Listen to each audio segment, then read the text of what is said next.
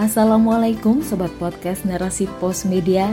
Jumpa dengar lagi bersama saya Sofia Aryani dalam podcast Narasi Pos. Narasi Pos, cerdas dalam literasi media, bijak menangkap peristiwa kunci. Kali ini saya akan membacakan rubrik syiar dengan judul Musuh Sejati oleh Mutiah Al-Fat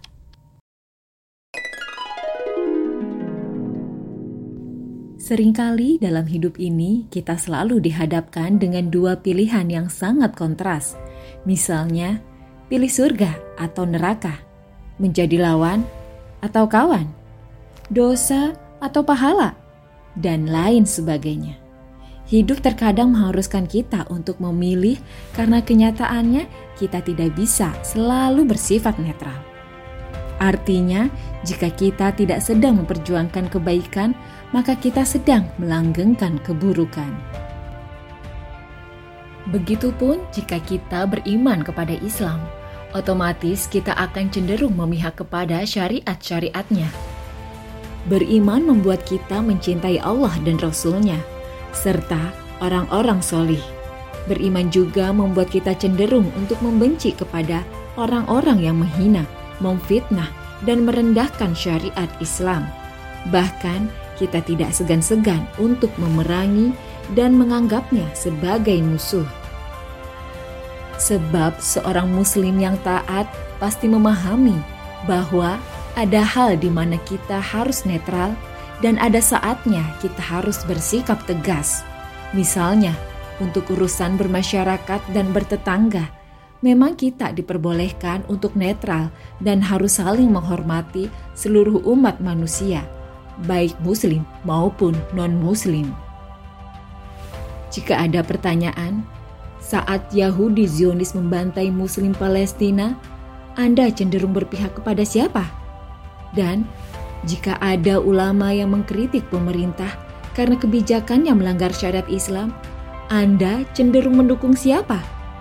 Nah, keberpihakan kita sebenarnya dipengaruhi oleh akidah.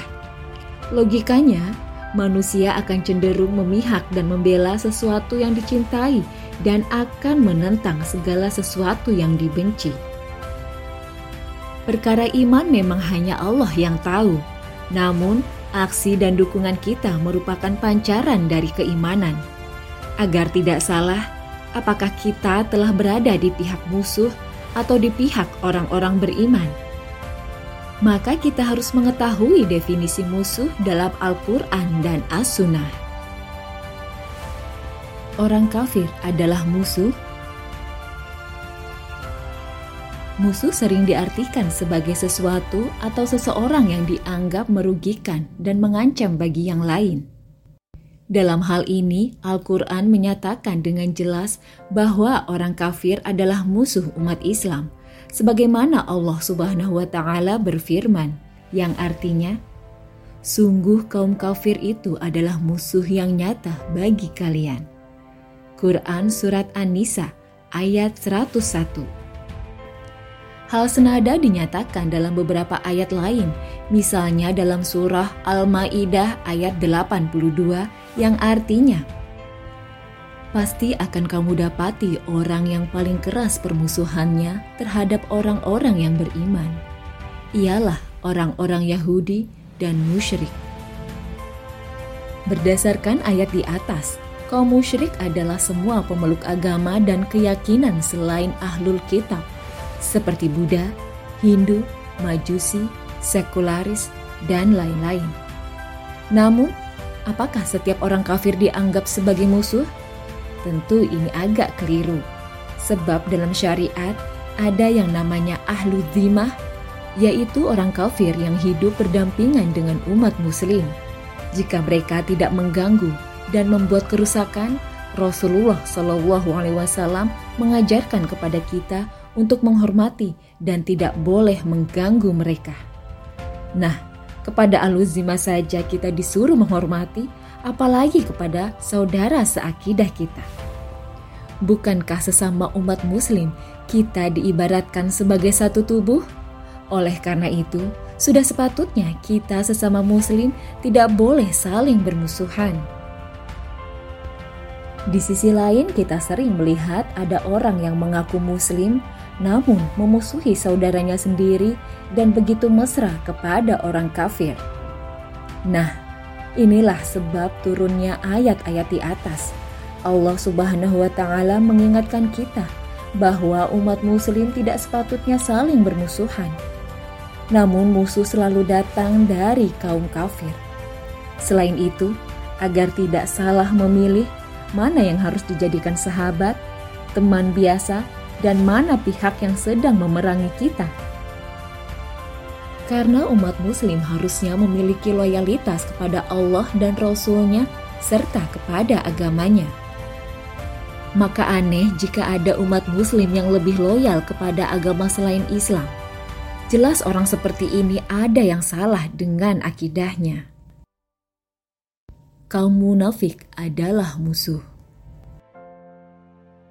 Sejatinya, kaum munafik meskipun secara lahiriah seorang muslim, namun hatinya ingkar dan memusuhi Islam.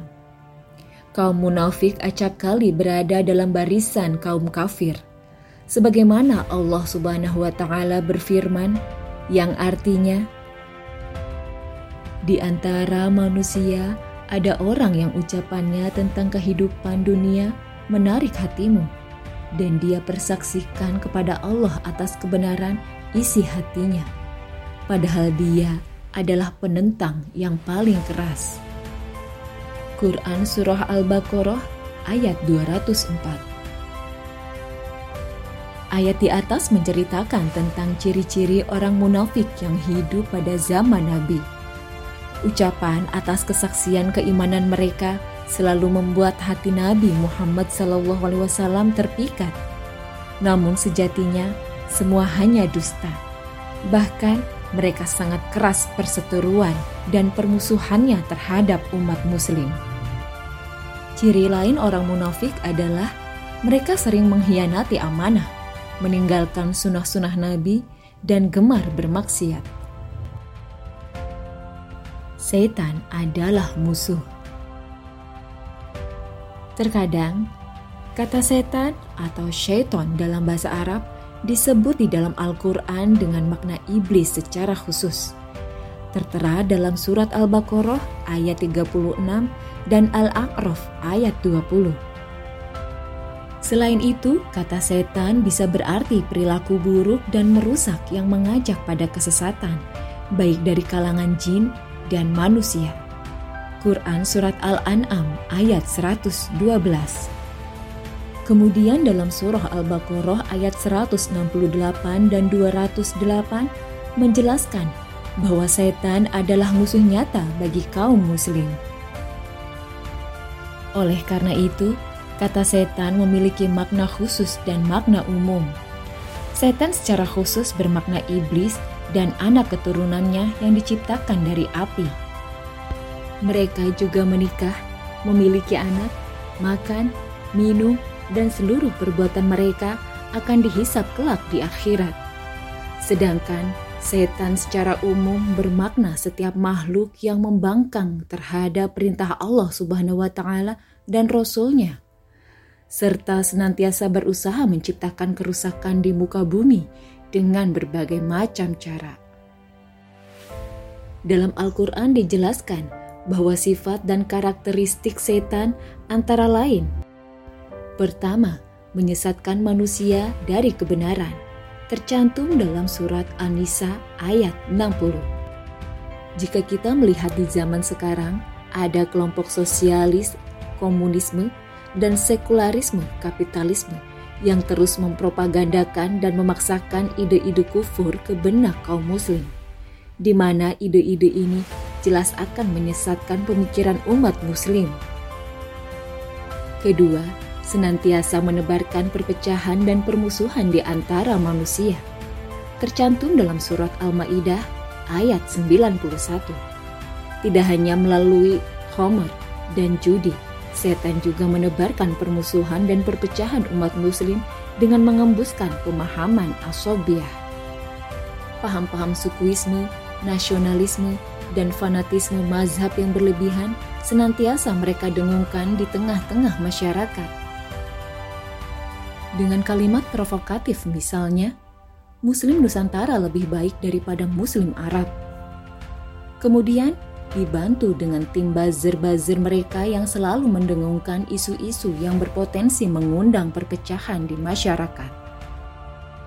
Ketiga, mengajak kemungkaran dan mencegah kemakrufan. Tercantum dalam surah An-Nur ayat 21. Setan senantiasa mencegah penerapan syariat Islam kafah dan sering mengajak umat muslim mendukung ide-ide dan ideologi yang bertentangan dengan Islam. Keempat, mengajak pada kekafiran yang tercantum dalam surah Al-Hasyr ayat 16. Kita sepakat bahwa setiap keyakinan yang bertentangan dengan akidah Islam adalah kekufuran. Musuh-musuh Islam senantiasa menjebak umat muslim dengan kalimat, semua agama sama. Akhirnya, kalimat ini justru memunculkan toleransi yang kebablasan dan dapat membuat umat muslim mudah untuk murtad. Kelima, menganggap baik setiap perbuatan mungkar dan suka melakukan pencitraan diri.